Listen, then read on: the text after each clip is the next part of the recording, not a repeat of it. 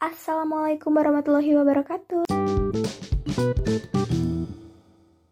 Selamat siang, sore, dan malam buat yang lagi dengerin podcast ini. Gimana kabarnya Mas di rumah aja kan ya? Puasanya lancar kah? Ayo, udah bocor berapa kali nih? Nah, jadi berhubung dengan sekarang lagi bulan Ramadan, jadi aku mau bawain tema tentang penyakit hati yang pastinya tetap dibawain dengan santai. Seperti yang kita sadari bersama, umumnya manusia sangat sulit untuk melakukan ibadah kepada Allah. Umumnya manusia sangat malas untuk diajak melakukan ketaatan kepada Sang Pencipta. Mengapa demikian? Kita semua akan memiliki jawaban yang sama. Karena manusia dibekali dengan hawa nafsu, hanya bedanya manusia berbeda-beda. Ada yang hawa nafsunya lebih menguasai dirinya sehingga dia bergelimbang dengan maksiat, namun dia tidak merasa bersalah. Ada yang nuraninya lebih mendominasi sehingga dia menjadi hamba yang taat. Nah guys, jika kita perhatikan sejatinya iman Islam dan ketaatan kepada Allah adalah sebuah kenikmatan. Terdapat banyak dalil yang menunjukkan bahwa ibadah bisa dirasakan kenikmatannya. Orang yang mentauhidkan Allah dengan sepenuhnya merupakan bukti dia ridho Allah sebagai robnya. Kemudian ia menjadikan syariat Islam sebagai aturan hidupnya, sebagai bukti dia ridho bahwa Islam sebagai agamanya, dan dia mengikuti petunjuk Rasulullah SAW dalam hidupnya. Mengapa banyak orang justru merasa berat atau bahkan merasa tersiksa ketika melakukan ketaatan? Bisa jadi, bahkan termasuk kita, sering kali menganggap ketaatan itu sulit bagi kita. Lalu di manakah nikmat iman itu? Sejatinya kasus semacam ini sudah dialami oleh fisik manusia, seperti yang kita alami. Hampir semua orang mengalami sakit, dia akan susah makan dan semua terasa pahit.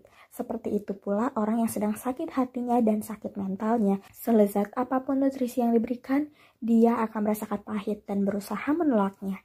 Dengan ini kita bisa menemukan jawaban mengapa banyak orang tidak merasakan nikmat iman, karena kebanyakan manusia, hati dan jiwanya sedang sakit. Nah guys, untuk bisa mengembalikan pada kondisi normal tentu harus berusaha mengobati penyakit itu. Karena jika sakit ini dibiarkan, selamanya kita tidak bisa merasakan nikmatnya nutrisi dan makanan. Hati sakit yang dibiarkan selamanya akan sulit untuk menikmati lezatnya iman. Dalam dunia medis, ketika seorang dokter hendak mengobati pasien, dia akan memberitahukan tiga hal. Yang pertama, menjaga kekuatan, Ketika mengobati pasien, dokter akan menyarankan agar pasien banyak makanan yang bergizi, banyak istirahat, tenangkan pikiran. Tidak lupa, sang dokter juga memberikan multivitamin. Semua ini dilakukan dalam rangka menjaga kekuatan fisik pasien. Ibnu Qayyim menjelaskan, orang yang sakit hati salah satu upaya yang harus dilakukan adalah menjaga kekuatan mentalnya dengan ilmu yang bermanfaat dan melakukan berbagai ketaatan. Hatinya harus dipaksa untuk mendengarkan nasihat dan ilmu yang bersumber dari Al-Quran dan Sunnah serta fisiknya dipaksa untuk melakukan ibadah dan ketaatan, karena ilmu dan amal merupakan nutrisi bagi manusia. Rasulullah Shallallahu Alaihi Wasallam dalam hadis riwayat Bukhari memisahkan ilmu sebagaimana hujan dan hati manusia sebagai tanah, karena hati senantiasa butuh nutrisi berupa ilmu. Kedua, melindungi pasien dari munculnya penyakit yang baru atau sesuatu yang bisa memperparah sakitnya. Dalam mengobati pasien, tahapan yang dilakukan oleh dokter adalah menyarankan pasien untuk menghindari berbagai pantangan sesuai jenis penyakit yang diderita.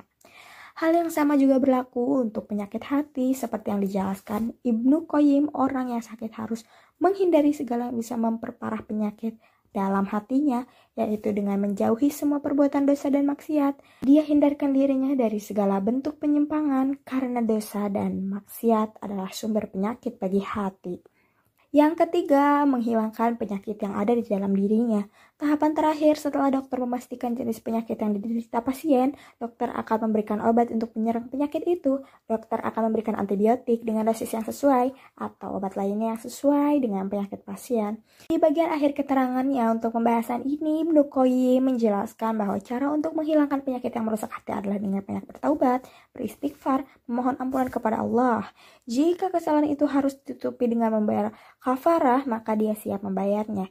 Jika terkait dengan hak orang lain, dia pun harus siap dengan meminta maaf kepadanya. Karena dengan berbuat taubat berarti dia menghilangkan penyakit hati berupa dosa dalam dirinya.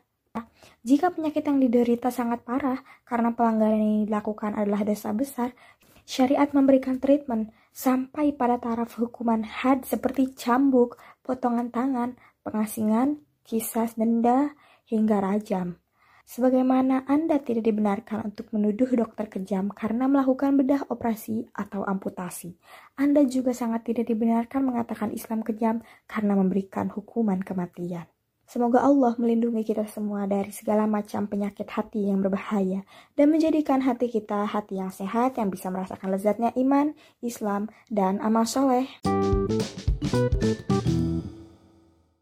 Oke okay guys, itu dia podcast hari ini tentang penyakit hati. Apabila ada kesalahan, saya mohon maaf.